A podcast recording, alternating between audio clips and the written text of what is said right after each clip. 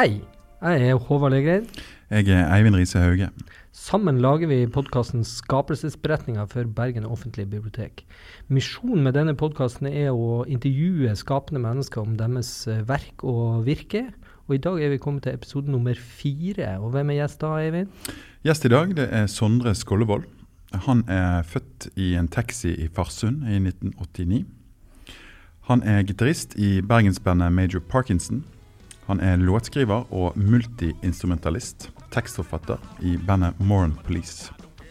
Siste plate den kom i 2019 og heter A Boat On The Sea.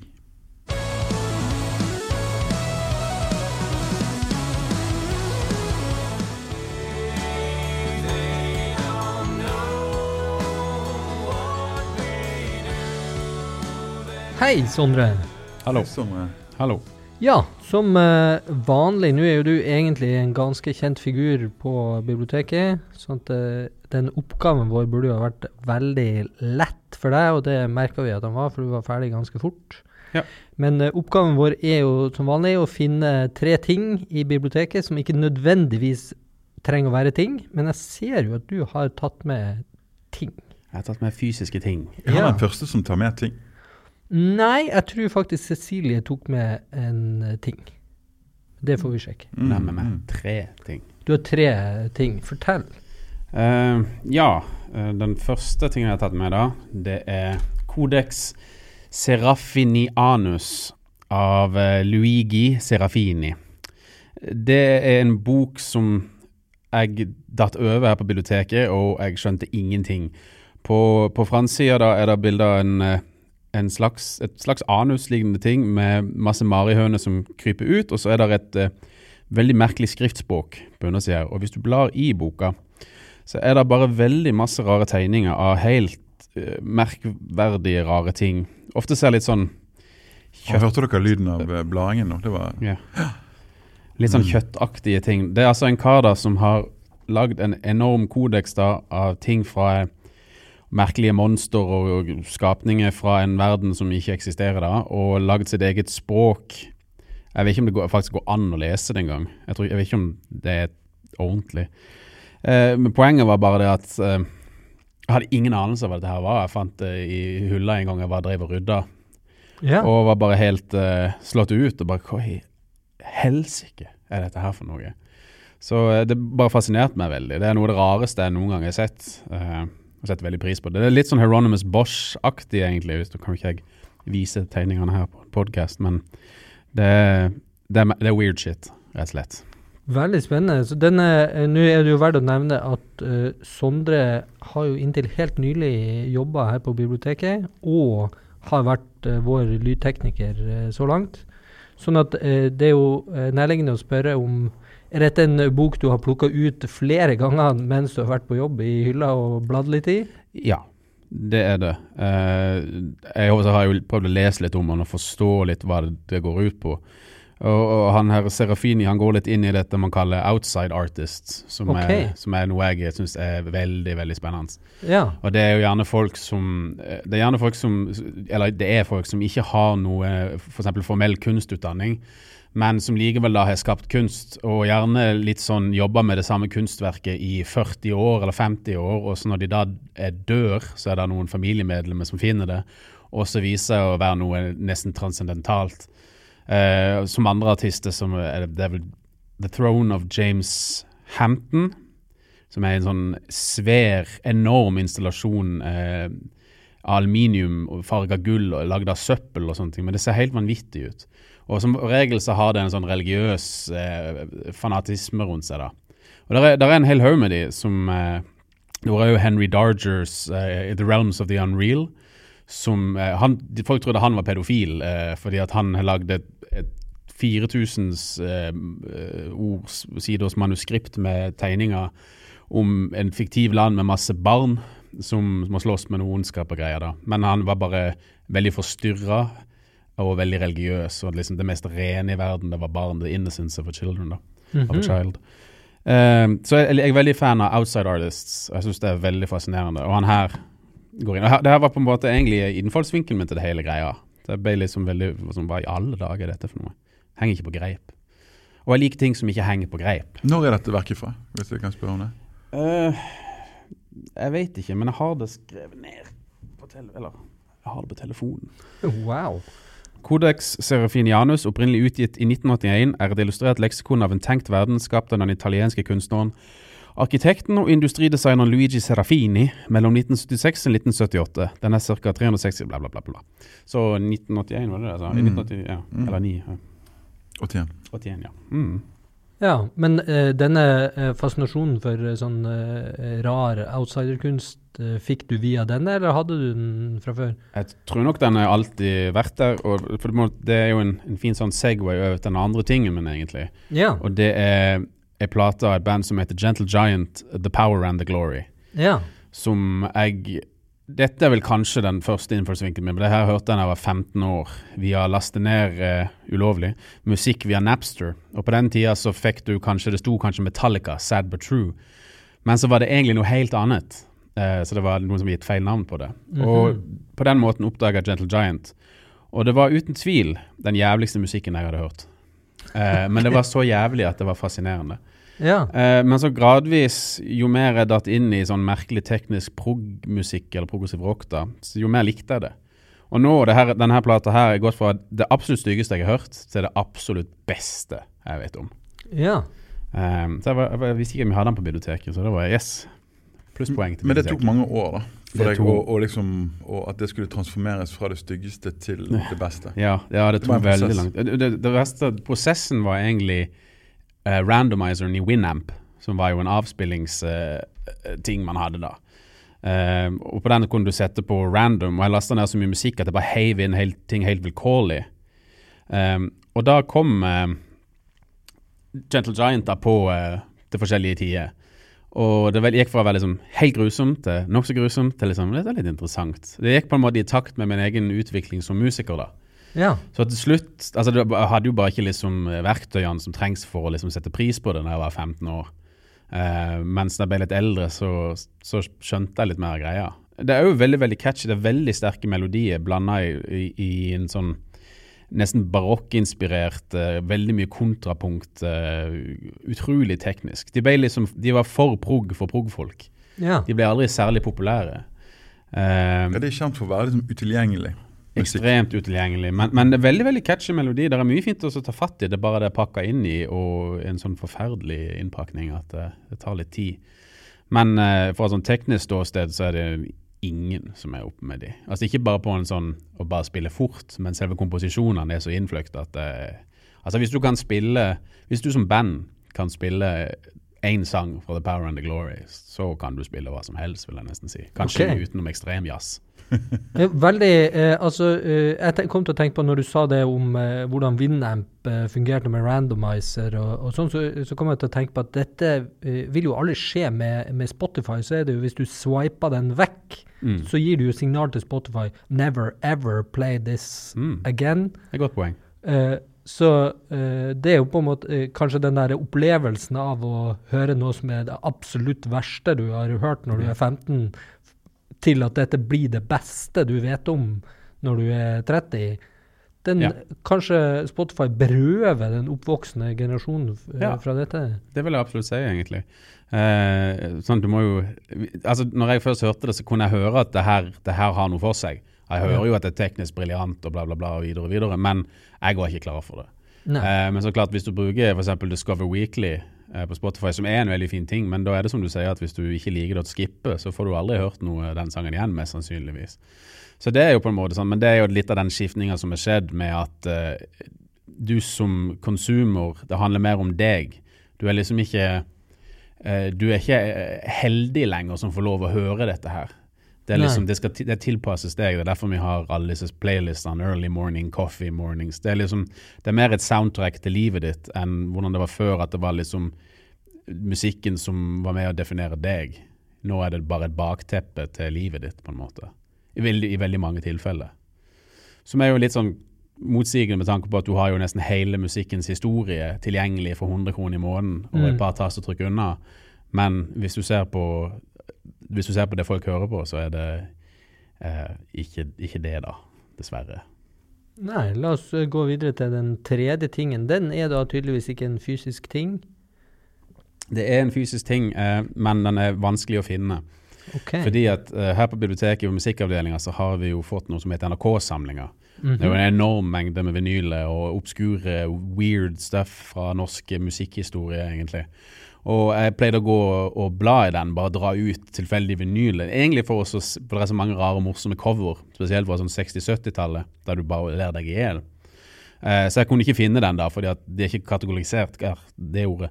Så det var vanskelig å finne på i løpet av 15 minutter. Men Mm. det er da eh, Conny fra Hønefoss, som er en der ei Coveret er ei gammel dame, da, altså Conny fra Hønefoss, som sitter på en stump oppe på en slags gård med trekkspill. En stump, det mener du? En trestump. Ok. Eh, og jeg dro den ut tilfeldig og lo veldig av coveret. Jeg syntes det var jo helt latterlig, eh, men litt sånn sjarmerende òg. Men så, så bare tenkte jeg ja, hva er dette for noe, da? Så googla jeg eh, Conny fra Hønefoss, og hun hadde en Wikipedia-side, eller hun har en Wikipedia-side. Og det viser jeg Jeg skal ikke ta hele greia, da, men det viser at hun var en ekstremt badass kvinne, da. Blant annet det trekkspillet hun sitter med på den trestumpen, ble brukt til å smugle dynamitt under andre verdenskrig. Eh, den stumpen hun sitter på der, er den samme stumpen som eh, enten Asbjørnsen eller Mo satt og skrev ned historiene sine, for, for hos sin far eller bestefar var venn med han. Eh, hun har møtt kongen og dronninga, og eh, hun drev med eh, rallycross, altså moped-rallykjøring. Hun er helt sinnssykt. Vel, og det var liksom veldig sånn der Don't judge a book by its cover. Ja. Så jeg var helt sånn jeg ble Hvordan var musikken? Eh, helt eh, kurant. Hun var jo flink på det trekkspillet. Hun var, var på NRK med Erik Bye og, eh, og snakka litt der. Var det progrock hun spilte? Nei, men du hører at det var litt teknisk ferdighet involvert. Hun, er- hun har spilt det trekkspillet i et par år, tror jeg. Ja, Nå er hun død, da, men Ja. Men så det, det var den trekken. Det er jo, liksom, det er jo liksom tre ting som, eller iallfall to ting der fra biblioteket som gjorde at mine horisonter ble ekspandert litt.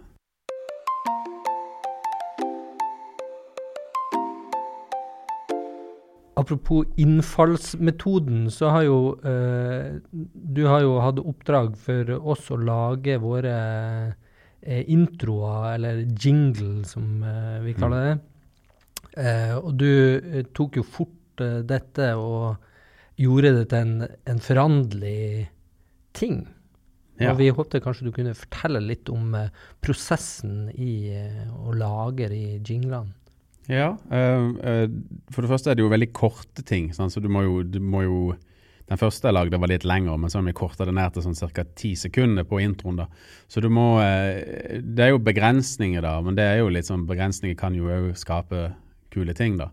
Det, hva er det eh, hva sånn er det ordtaket? The mother of invention. Necessity is the mother of invention. Ja. Eh, nei, så det jeg ville gjøre, da var å lage en, en enkel melodi, og så ville jeg gjøre at jeg kunne uh, utvikle den videre, da, og bytte f.eks. akkordene unna, tonalitet fra dur til moll, og sånn type ting, da. Så det var litt Og så er det litt sånn skeive takter, så det skulle være litt prog, litt progressivt. Eh, jeg hadde jo egentlig planen om å lage en veldig innfløkt eh, kontrapunktgreie, men jeg har skjønt Og så alle Gentle Giant, inspirert av Gentle Giant. OK. Uh, men som sagt, uh, det de drev på med, er ikke lett, og kontrapunkt er ekstremt vanskelig. Så jeg, jeg forenkla det litt, må jeg si. det var det som Herregud, jeg orker ikke dette her. Det blir Men vi får se. Jeg lagde en ting, da. Vi skal se om det kommer videre på en plate eller noe sånt. Hmm. Ja, hvordan uh, Dette var den første, Ja. men hva skjedde i nummer to? ja, så da to jeg jo den samme melodien, og så endrer jeg eh, lydbildet, egentlig. Jeg tror i nummer to først, Den første var det mye tromme og litt sånn trompet og bra, brassinstrumenter. Mens i nummer to gikk jeg for en soulful gitargreie. Litt svulstig, vil jeg si. Mm. Og i nummer tre så har vi gått inn i sånn japansk eh, elektronika-vibbe. Og eh, den jeg har lagd no, At the time of talking så har jeg ikke lagd den som skal være til denne podkasten, men der har jeg òg store planer. Det blir spennende. Så du, bruker, du har variasjoner over det samme temaet, sant? Samme tema, Mm. forskjellige tonearter og, og forskjellige dur-mål-type ting, da, og litt sånn. Jeg skulle kanskje lagd en litt mer innfløkt melodi, da. Fordi at den er, den er veldig simpel, så det har vært litt vanskelig. Altså, hvordan kan jeg gjøre dette her om til en japansk greie? på en måte da. Så jeg har fått lært litt av å gjøre det òg, da. Ja. Men er det å lage variasjoner over temaet noe du gjør eh, i andre komposisjoner? Ja, veldig mye. Ja. Jeg, det, det kommer jo fra progen, da, og, eller egentlig fra klassisk musikk. Det å ha en overtyre, i sånn overture, og en og reprise, eller leitmotiv, som vi mm jo kaller det. Så jeg er veldig veldig fan av å etablere en melodi for eksempel tidlig på en plate, og så ha den komme igjen i forskjellige fasonger senere på plata. Og ikke okay. bare én, men gjerne, gjerne 10-15 forskjellige melodier, akkordstrukturer, det kan være tekstreferanse. Og, eh, og eh, ja, reprise de da senere og ut omkring. Utvikle de videre, korte de ned. You name it. Men det er sånn, hvis du har en god melodi, så er det veldig mye som åpner seg opp.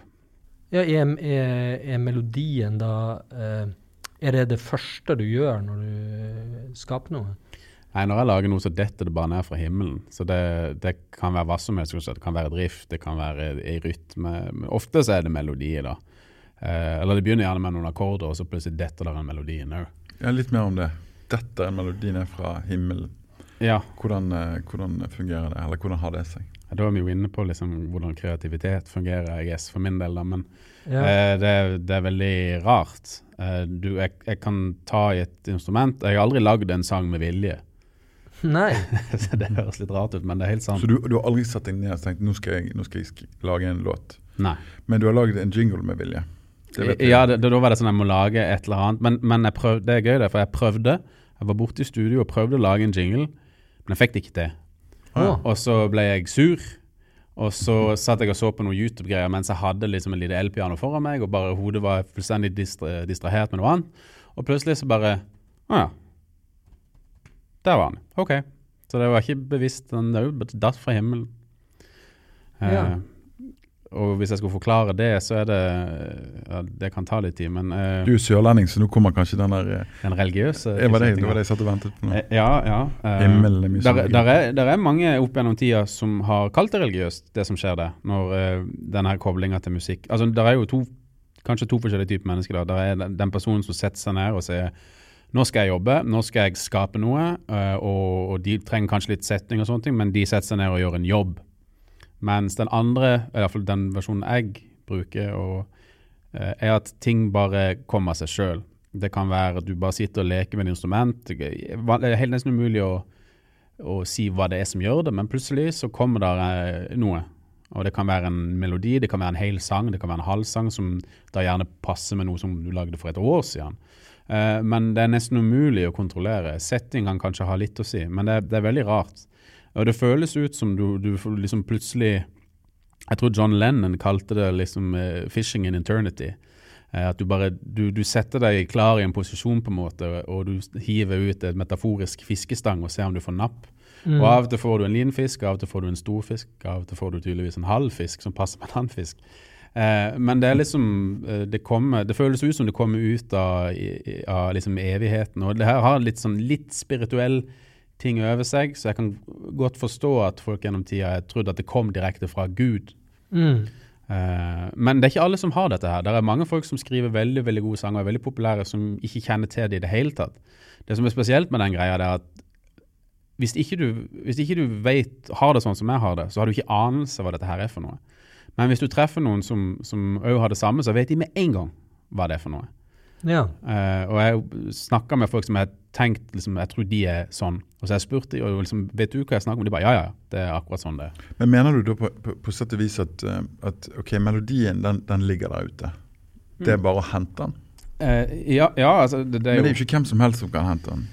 Jo, eh, hvis, vi går på den, hvis vi går på den teorien, så er det jo det. Altså, da, da tenk, det er jo nesten sånn der Platons idéverden Det er Platon, sant?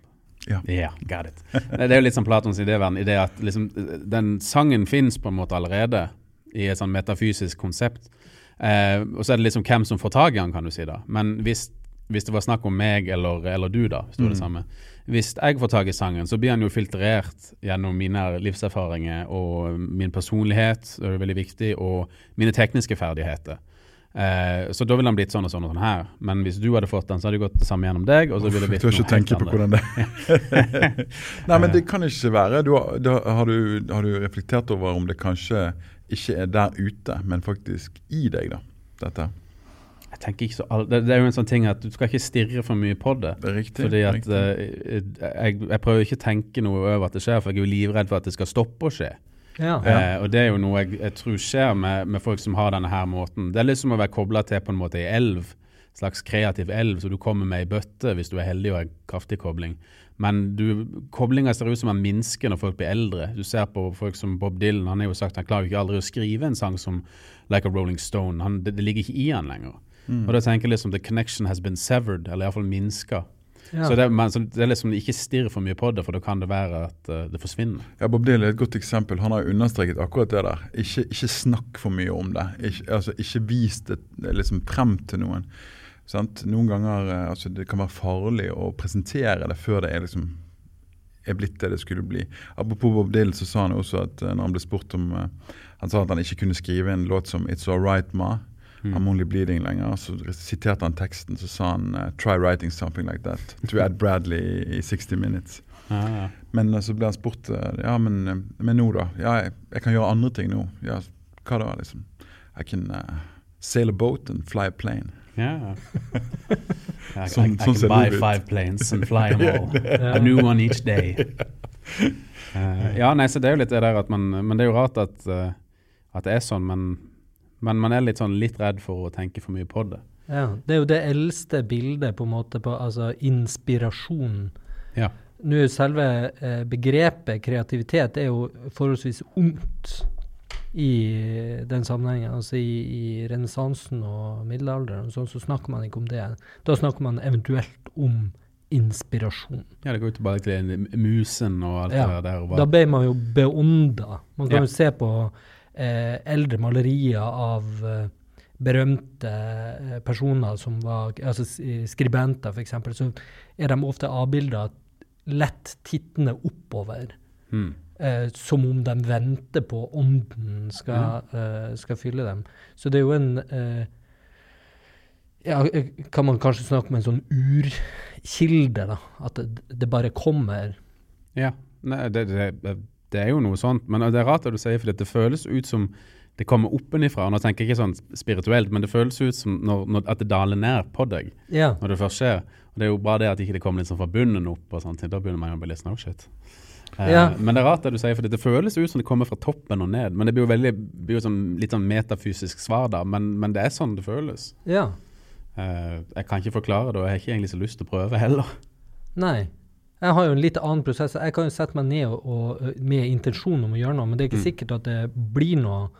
Men for meg så er det mer å jobbe seg inn i det.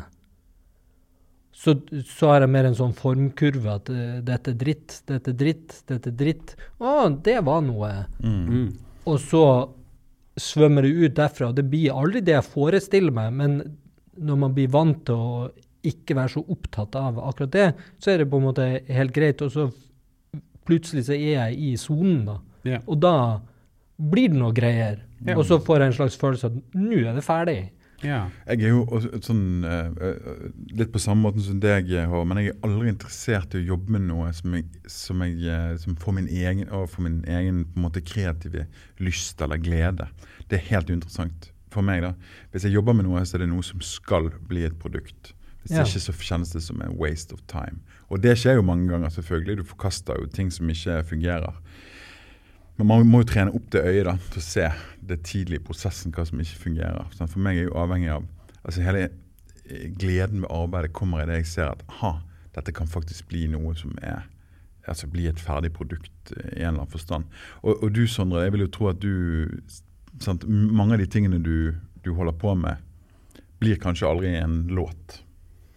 Mm, nei, altså i, i, Eller tenker du at Ikke nødvendigvis det blir gitt ut, men, men når, når det først kommer en sånn der eh, neddalning, eller hva man skal kalle det, Mm. så er det enten en, en hel sang eller en halv sang eller noe sånt, men eh, det er enten godt nok eller ikke godt nok. Så du finner alltid bruk for det seinere, kanskje, da, hvis Ja det kommer da. dalende? Det kan måten? komme tilbake. Men jeg har jo en sånn eh, Jeg har en sånn prosess for å avgjøre om det er godt nok. Um, som jeg har brukt eh, mindre og mindre nå, som er at jeg bare spiller inn ting med en gang det kommer. og Det er på en måte ikke så lurt. Fordi at hvis du får en idé, eller det kommer bare en sånn halvveis sang, så er det ikke noe, du må gjerne dra litt mer for å få ut hele. Men hvis du da bare spiller inn det første riffet du som datt ned fra himmelen, da, så lar du det kanskje ligge, og da har du på en måte kutta den koblinga. Yeah. Eh, men måten jeg ofte gjør det på, er at jeg, en sang kommer, og så spiller jeg den om og om igjen, og lager ofte vokalmelodien og hele pakka og, og alt det der. Eh, og så er det det. Og så vanligvis, sånn, kanskje 20 minutter etterpå, så må jeg si å herregud, jeg må gå ned og sette meg ned med gitaren igjen og så se hvordan, hvordan var det der greia. Og så er det helt vekke. Det er helt vekke. Jeg husker, jeg klarer ikke å få inngripen på det i det hele tatt.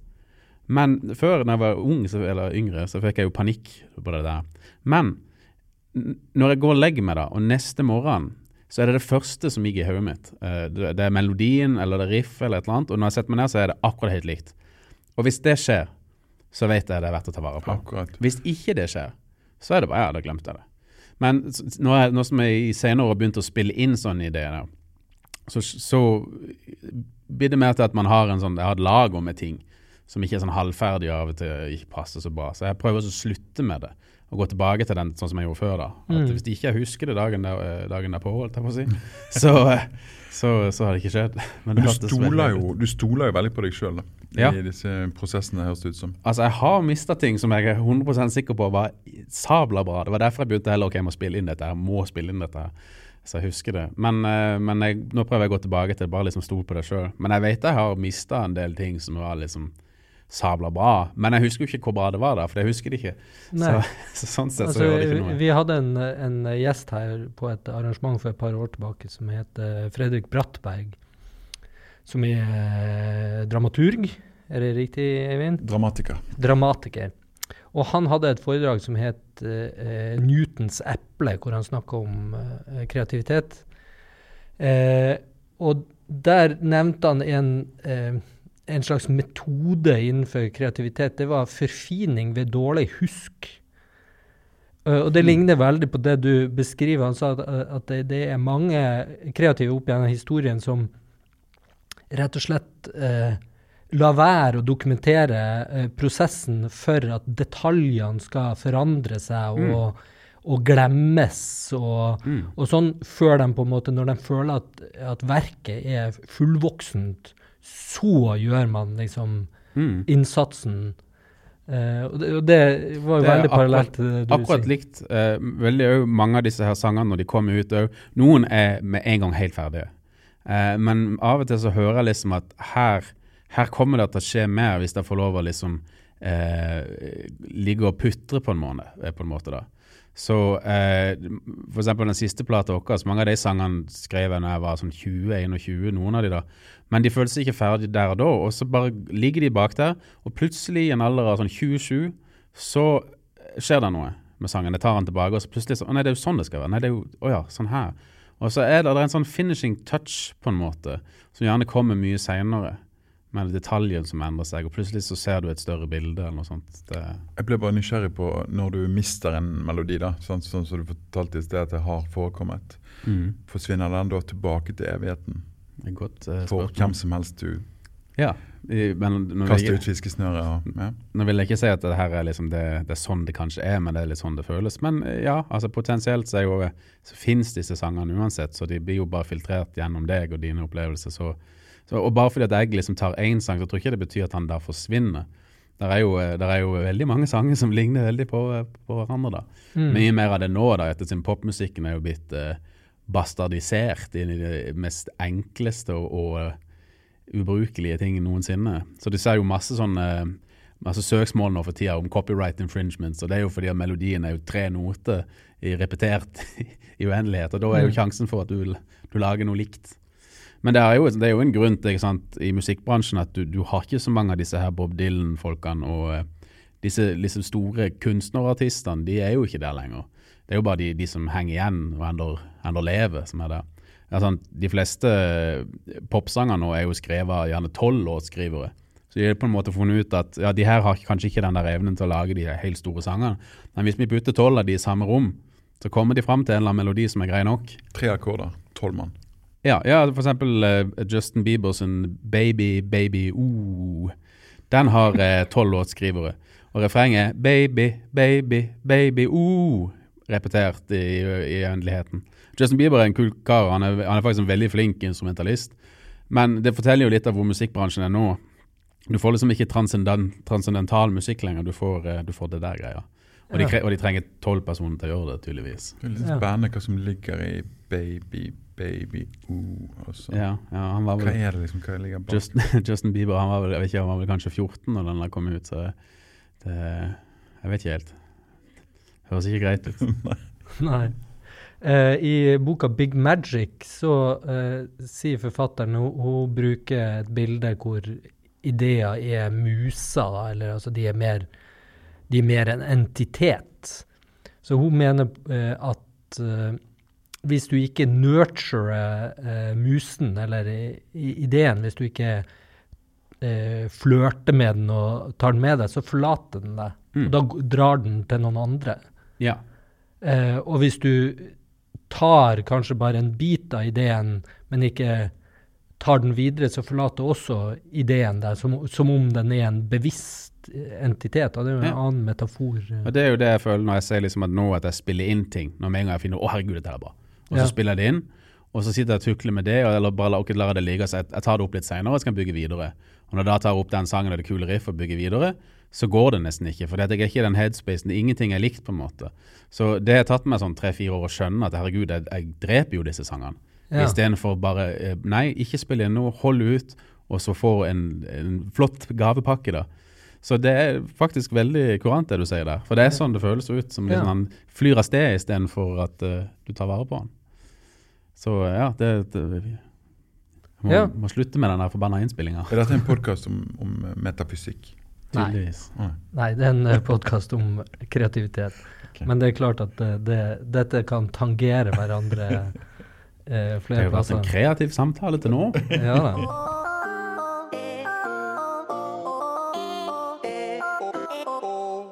Men hvor har du lært å spille, da? Eh, For det meste sjøl. Jeg eh, begynte med å spille piano, eh, eller keyboard egentlig. Min far eh, Det er en musikalsk familie, eh, vil jeg jo si da. Um, Omringa mye musikk. Onkelen min, spesielt onklene mine, da.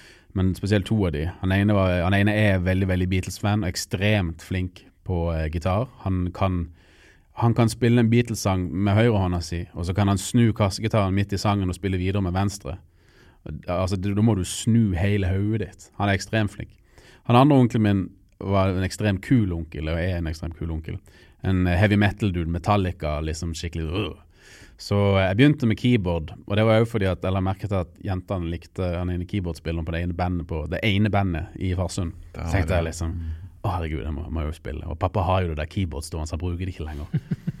så jeg satte meg ned og, og prøvde å lære litt, og så tok jeg noen, eh, jeg tok noen, eh, noen timer da med en lærer som var veldig, veldig rar.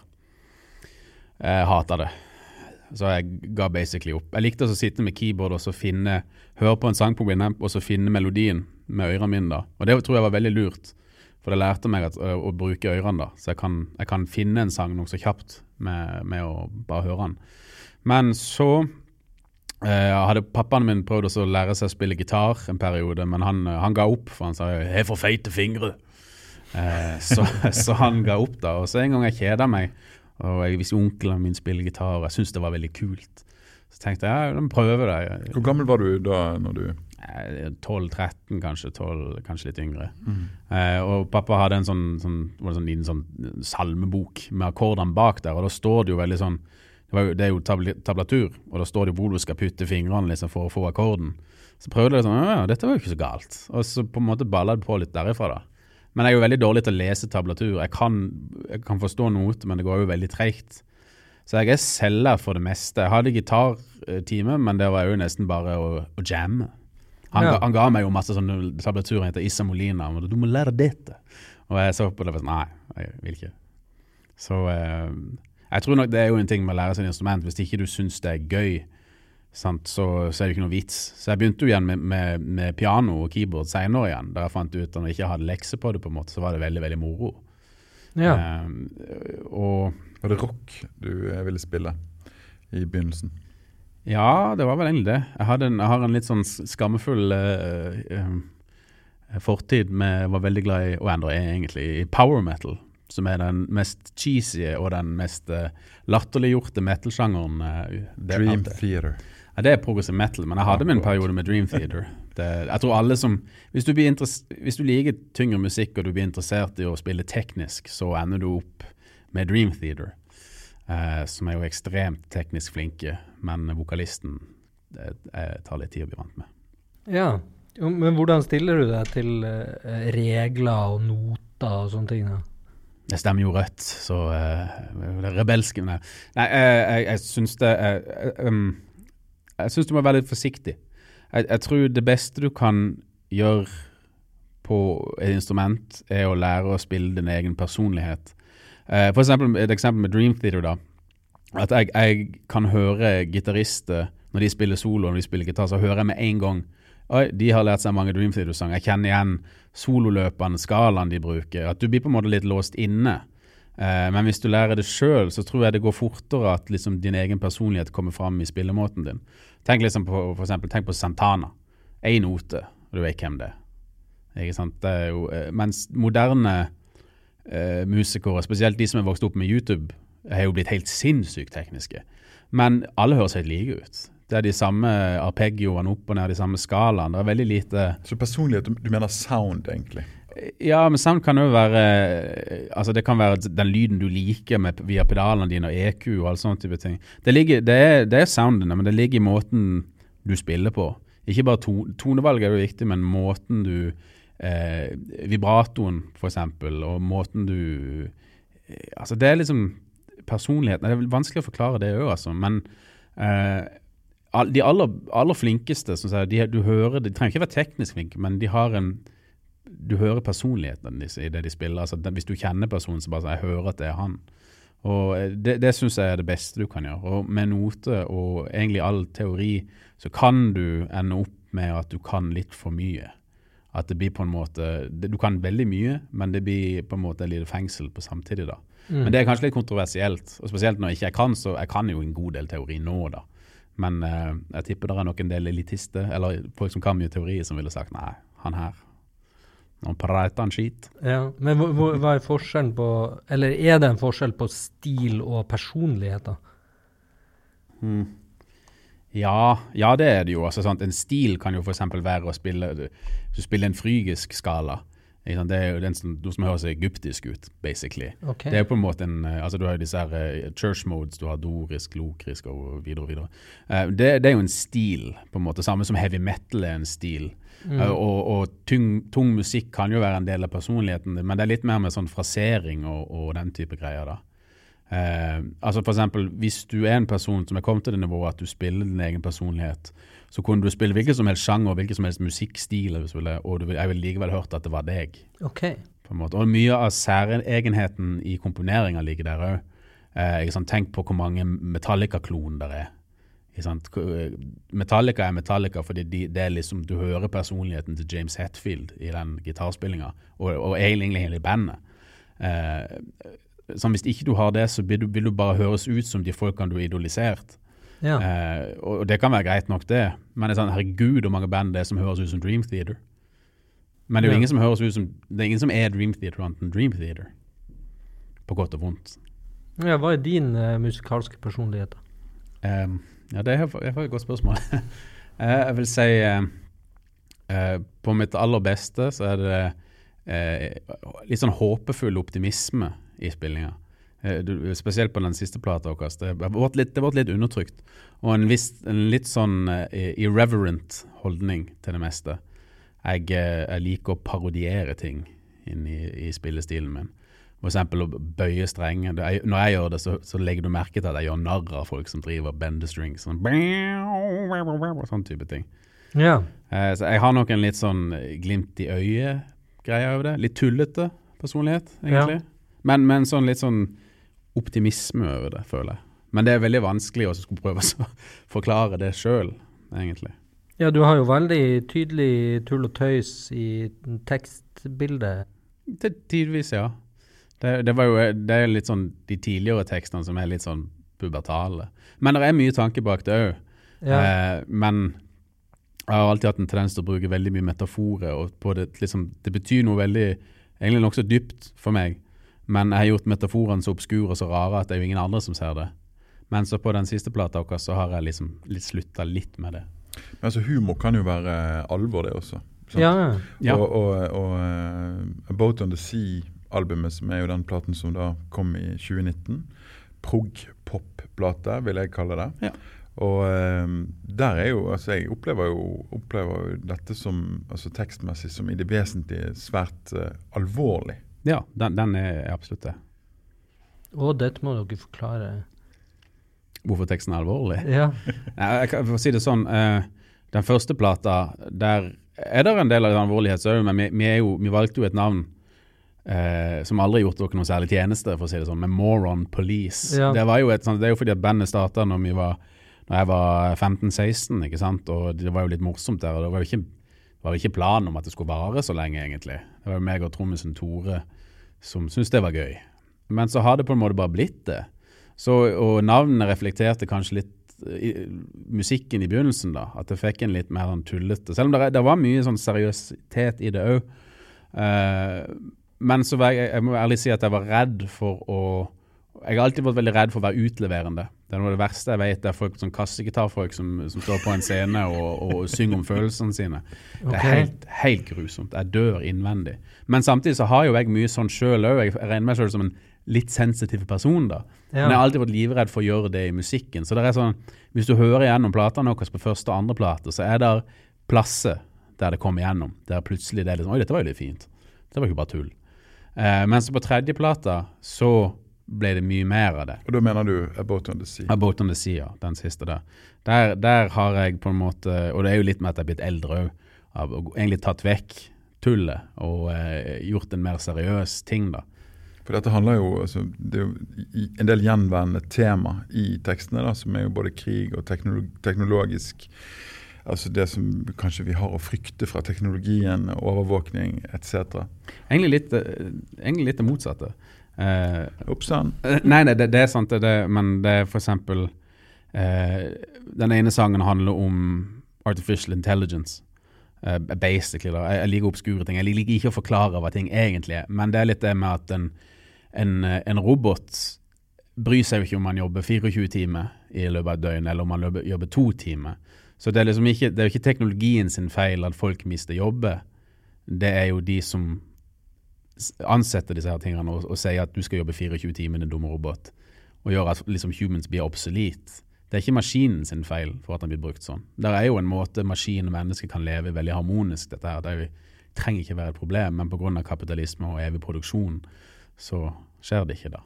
Eh, Interessant det med tekst. da, altså det høres, For meg så høres det ut som teksten blir til veldig annerledes da fra enn eh, melodien. Altså Ja. d- uh, Melodien faller ned i hodet ditt, mens Mm. teksten høres ut som du grubler ut. Ja, det er godt observert. Ja. Uh, det, det, det stemmer, men Ja. Men teksten kommer òg ned fra himmelen. Men ikke den som ender opp på plata. Nei. Fordi at når, jeg, når, når, jeg, når en melodi kommer, så sitter jeg ikke bare sånn nynne. Jeg synger svada, eller bare sånn ord som føles bra ut. liksom Vokalen passer her og der. Og det er ord som passer bedre enn andre. Mm. Men så ofte da, når jeg har gjort det, så eh, spiller jeg inn en demovokal uh, der jeg synger det sånn. Og så på en måte bruker jeg det som passer, og så skriver jeg en tekst ut ifra et par av disse små stikkordene.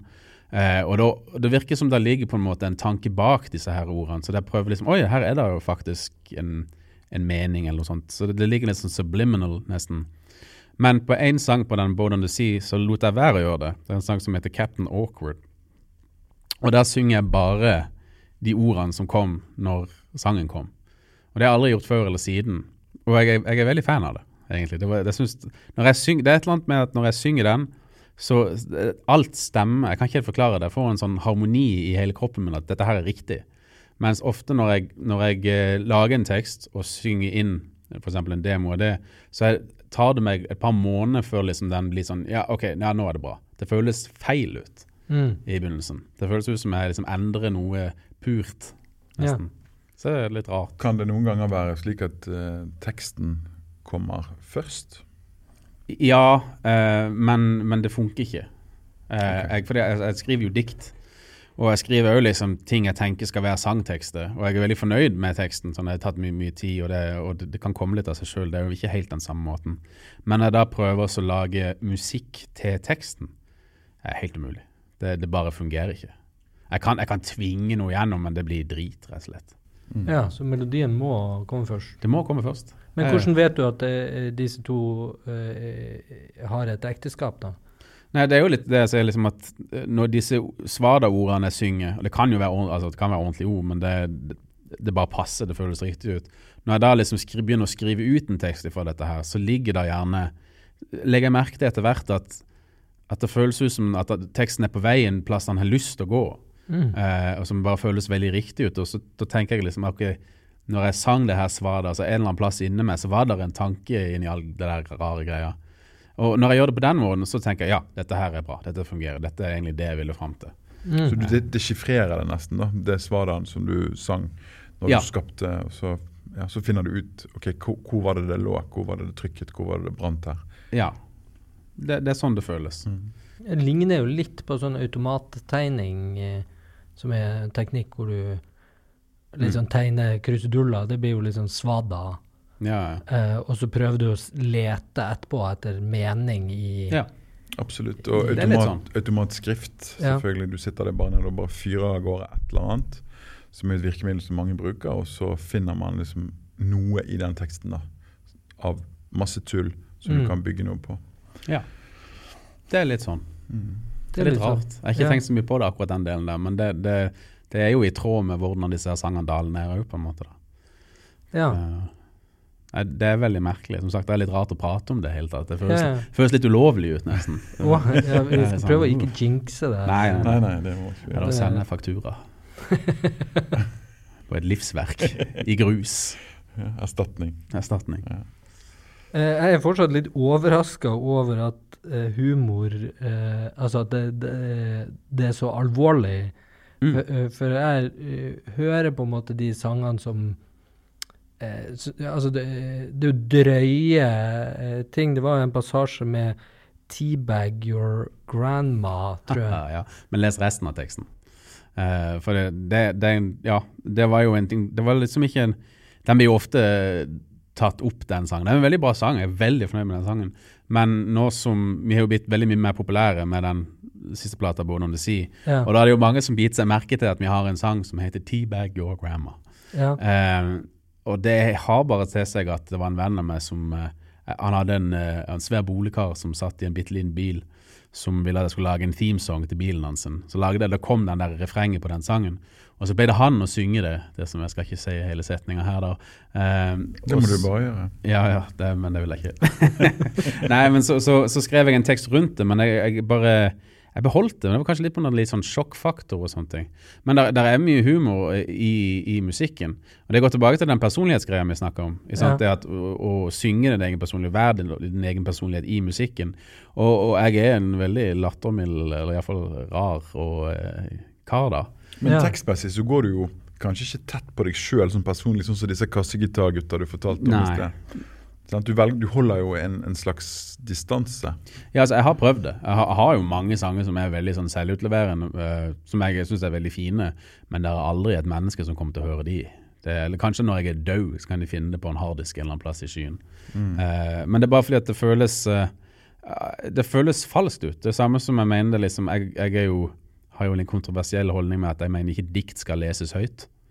Uh, fordi at jeg har skrevet dikt hele livet mitt, og det er, veldig, det, det er, jo egentlig der det kommer det selvutleverende. på en måte, Jeg skriver dikt. Ja. Uh, og det er såpass selvutleverende at det at man skulle stå foran mennesket og lese dette her, det føles helt grusomt ut. Ikke fordi at det er flaut, det er litt flaut òg, men det bare føles så feil ut.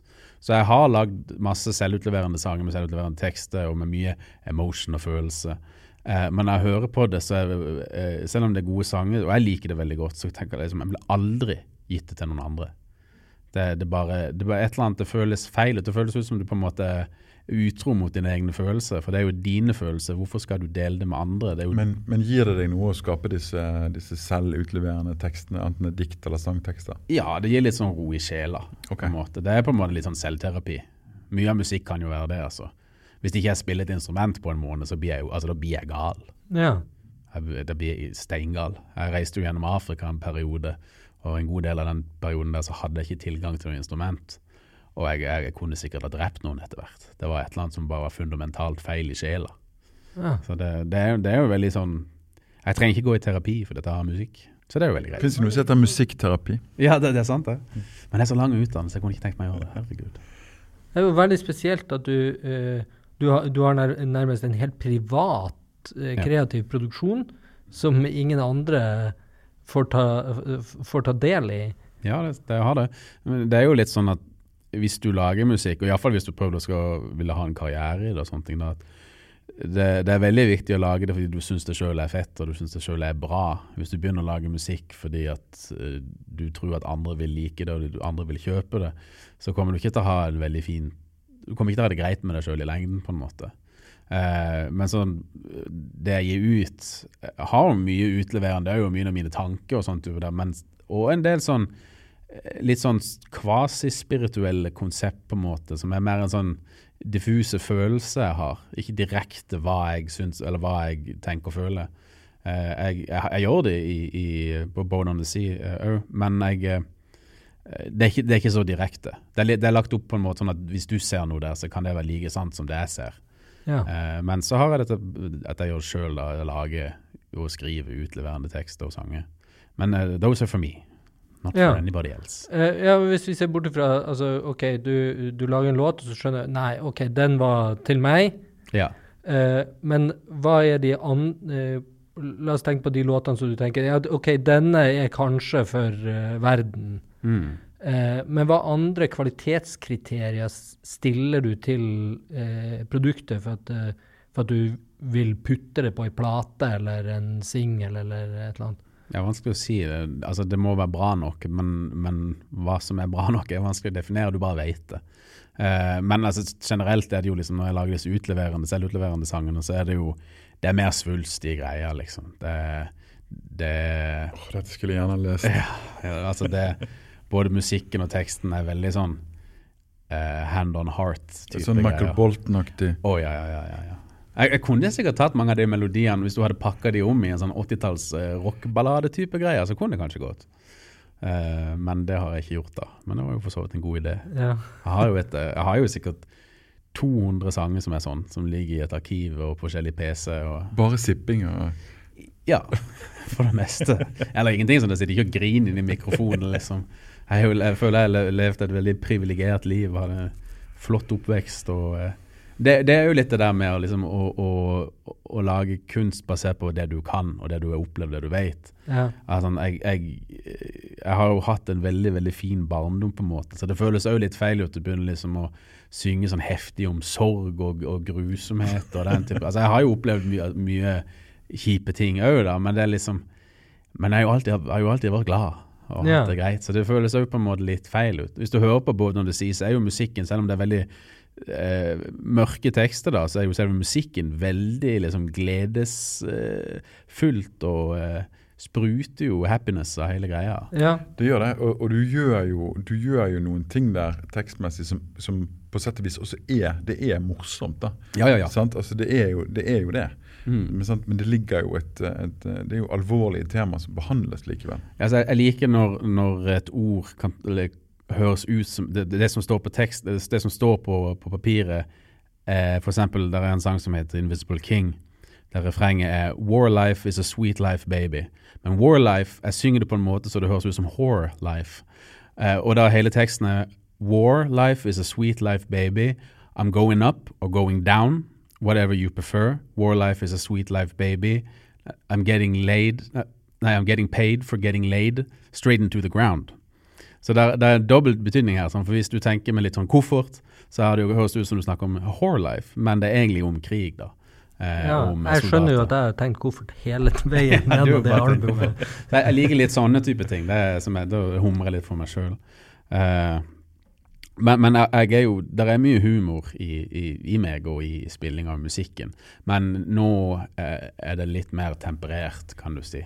Det var jo en, en forfatter, jeg husker ikke i, i øyeblikket hvem som skrev det eller sa det, men at eh, litteratur som, som eh, mangler humor, har, har den vedkommende problemer med å ta alvorlig. Mm. Ja. Det er jo et såkalt paradoks, men det er jo eh, sånn Altså- umiddelbart liksom sant også. da. Det er jo noe Frank Zappa sleit veldig mye med. Mm. Han er jo en briljant komponist. Han er jo en av de største komponistene som er gått på denne jorda. Eh, men han slet jo hele livet med, seg med å bli tatt alvorlig fordi at han brukte så mye humor. Eh, han spurte jo eh, Does humor belong in music? Eh, og svaret på den tida var jo på en måte nei, egentlig. Men han lagde jo en hel karriere på det. Eh, og mange komposisjoner hans er helt vanvittige. Men eh, folk, mange trodde jo han bare var en tullemann.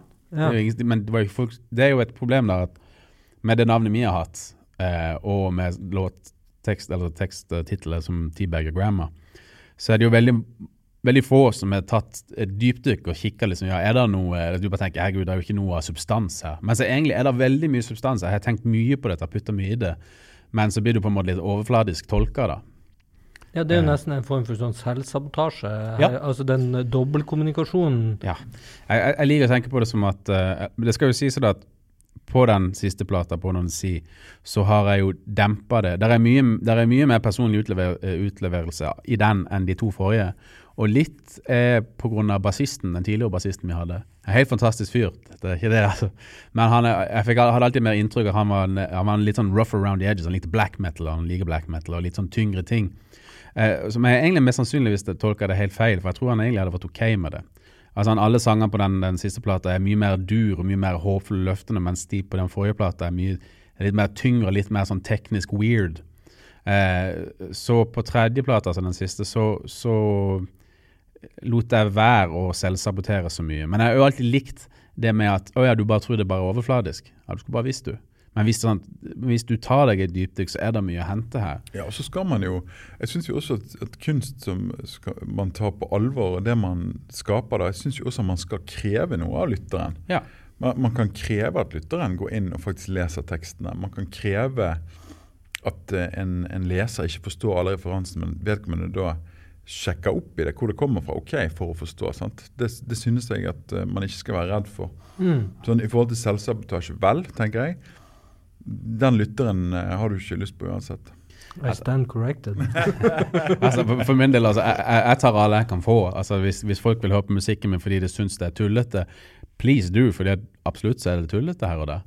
Ja, Men, du tar alle, selvfølgelig. Ja, ja, ja, herregud. Altså, jeg, jeg, er- glad uansett. Hvis de liker musikken, så kan, jeg, kan det være fordi at jeg synger T-Bag og Gram, eller fordi at det tar for seg eh, teknologi og krig. I don't care. Så lenge de liker musikken, så er jeg glad. De, det, det er ikke så viktig at de liker musikken heller, men jeg blir veldig glad når folk gjør det. Ja, tenker du på publikum når du Nei, overhodet ikke. Hvis du lager musikk for, for at folk skal like det, så, så kommer du til å feile før eller siden. Iallfall liksom fra et sånn personlig plan. Mm. Eh, og nå med den, den siste plata, så er det jo veldig fristende, siden den har gjort det så bra. Ok, da bør man lage Born on the Sea part 2. Eh, og jeg liksom tenkte litt på det. skal jeg liksom, For det her fungerer jo mye. Her, hvis jeg gjør ei til plate som, som dette her, så kommer jeg mest sannsynligvis kunne leve av musikken. Mm. Og det er noe som er, det er en sjelden ting i disse dager. Mm. Men det er ikke sånn jeg lager musikk. Jeg kan ikke gjøre det. Jeg kan ikke lage en Born on the Sea part 2, for jeg kan ikke sette meg ned og skrive sanger.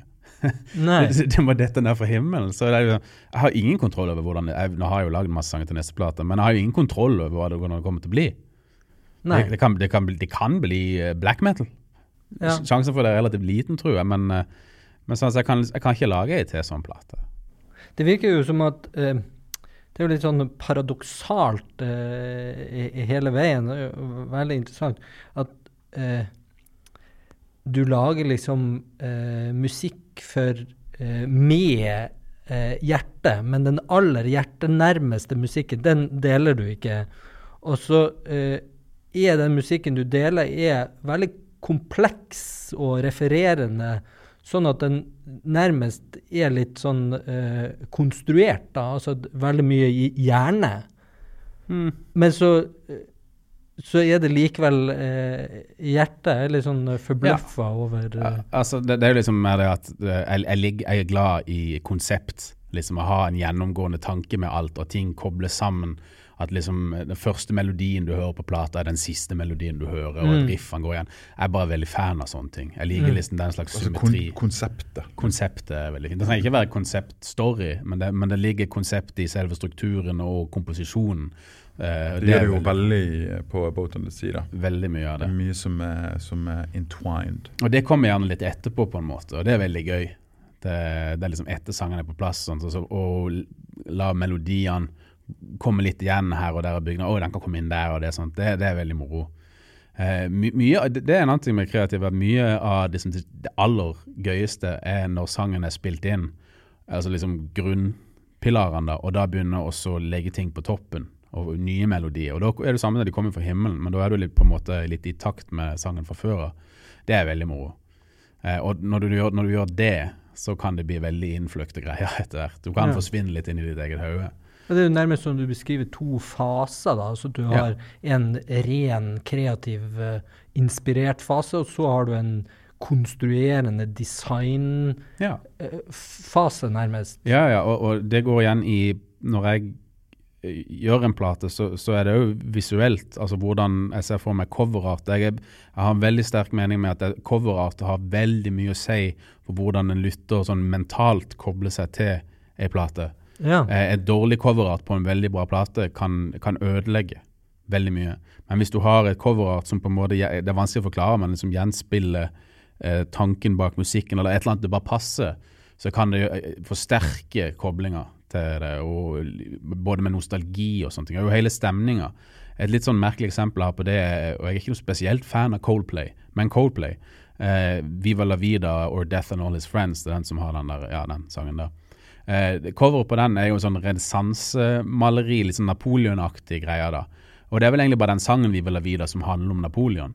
Men den bare setter liksom headspacen din på hele plata, Mm. i, i, og som bare fungerer som juling for meg. Og sånn har jeg det med flere plater. Det, så coverart er veldig viktig. Så jeg har tanke, liksom, visuelle tanker gjennom hele prosessen. hva Jeg ser for meg. Jeg ser for meg hele sånn musikkvideo i hodet mitt. Når jeg gjør en demo, så hører jeg et helt orkester. Jeg, jeg vet allerede hvordan jeg vil. Jeg vet hvor jeg skal. Ja. Eh, men prosessen der kan ta veldig lang tid og mye slit. Men, jeg- men jeg har, altså, det er andre ting som skjer òg, da. Er du tålmodig da, i prosessen? Ekstremt. Mm. Ekstremt tålmodig. Ting tar lang tid. Sånn som De fleste sangene på Born on the Sea skrev jeg jo når jeg var ja, 24-25, kanskje rundt der. Litt yngre enn det, et par av de. Oh, ja. Så det er seks, syv, åtte år siden de ble skrevet. ja, ja. ja, ja. Og så er det jo det at siden vi jobber med, spesielt på den ti- tida, har vi jo ikke mye penger i dette heller, så det jo, ting koster ekstremt mye. Skal du ha et liksom, orkester til å spille, du har ikke råd til å ha et orkester, så du må få inn kanskje et par felefolk til å spille det samme om og om igjen, og så lage det til et orkester i miksen. Så det, det krever Det er veldig vanskelig også å få til å gjenskape det du hører i hodet ditt, på et budsjett. Eh, det er faktisk Men nå, nå går det mye bedre. Så neste plate, nå, nå har vi jo faktisk råd til å gjøre en del veldig gøye ting, da, så jeg gleder meg til det. Det er en viss sånn stormannsgalskap involvert i dette her òg, tror jeg. OK. Det er noe hubris her. Ja. Men har du en veldig sånn eh, Når du bestiller coverarten, da, er det en, eh, en tydelig brief, eller er det make whatever? Jeg, eh, jeg, vi var så heldige at vi fikk tak i en kar som heter Dulk, eller han heter Antonio Segura Donat fra Valencia, eller Barcelona. Eh, og på andre plater så bare ga jeg han musikken, og så, så bare lag det du vil. Eh, Og så lagde jeg noen sketsjer som han viste meg. bare, ja, det ser helt fantastisk ut. Og Det som var spesielt der, at jeg følte at han fanga liksom det der litt selvutleverende greia som ligger skjult bak alle de tunge gitarene. Mm. Så jeg bare stoler veldig, veldig på han. Og han, han responderer veldig til musikken òg, syns jeg. Så på den siste plata, da, så når jeg ga han det greia der, så jeg visste det kom til å bli bra. Men jeg, jeg, jeg sa jo til han at jeg ville tenke noe Altså, plata skal hete 'Boat on the Sea'. Så jeg vil jo ha noe litt sånn maritimt, da. Eh, og jeg skal sies at veldig mye, eller en god del av oppmerksomheten vi har fått med den plata, der er pga. coveret. Det er helt sinnssykt. Mm. Og det er mange som bare, og spesielt i en sånn digital verden, ikke sant, der, der du scroller ned eksempel på, eh, på Bandcamp, som er der mange hører på musikk, da, og så ser du det coveret, det er hva fader er dette her for noe? And then you got them. Ja. Så hvis plata er bra, ikke sant, så, så hjelper jo det, det hjelper jo veldig mye da, det må jo helst være gode sanger. Men et platecover i den digitale verden kan være det som gjør at noen tar det klikket. ja. Så det er viktig. Eh, Nå har vi jo hittil snakka utelukkende om uh, Moron Police og dine egne prosjekt, hvis man kan kalle det det. Mm. Eh, men du tilhører jo en kunstart som for meg og Eivind er forholdsvis fremmed, for den er så samarbeidende. Mm. Eh, jeg produserer jo mine ting helt på egen hånd og trenger egentlig ikke noen som helst, bare meg sjøl. Eh, men du er jo eh, du er jo eh, orkesterleder for et band og eh, medlem av et annet. Hvordan er den forskjellen? Det er veldig sånn to veldig forskjellige verdener. da. I, I mitt band da, så er jeg jo en diktator. Benevolent. Benevolent dictator. men, men det er sånn når du har på en måte en, en, et klart bilde på hva du vil og hva, hvordan du vil ha det, så må det være sånn. På en måte. Sånn, jeg, jeg skriver jo sanger alene med meg sjøl. Men så lar jeg jo de andre i bandet hvis, hvis Det er plasser der det er plass for ting for de, og det kan Sånn som Lars, som er keyboardisten i både Major og Major Parkinson og Mormon Police, han er jo veldig flink til å jobbe videre og utbrodere ting. Så jeg setter veldig pris på det. Eh, men i, eh, i Major Parkinson så er jeg jo Det var en av grunnene til at jeg hadde lyst til å være med. For det første så hadde jeg ikke lyst til å være med i bandet. Fordi at det var et, mitt absolutt favorittband i Norge. Og så når de da spurte å være med, så tenkte jeg faen, nå kommer jeg til å ødelegge hele driten. Uh, men det, det var jo litt fordi at Og så ble jeg jo med til slutt, da. De lurte meg på fulla. Eh, men så eh, Det var befriende, sant? for da er jo bare I Morgen Police er det jo meg helt framme. Meg som synger, meg som prater. Og eh, man blir fort lei av meg. Det kan bli fort veldig mye. Eh, mens i Major Parkinson kunne jeg bare OK, jeg er rytmegitarist.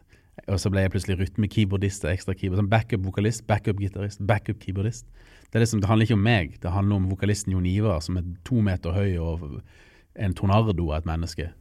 Og det var veldig herlig.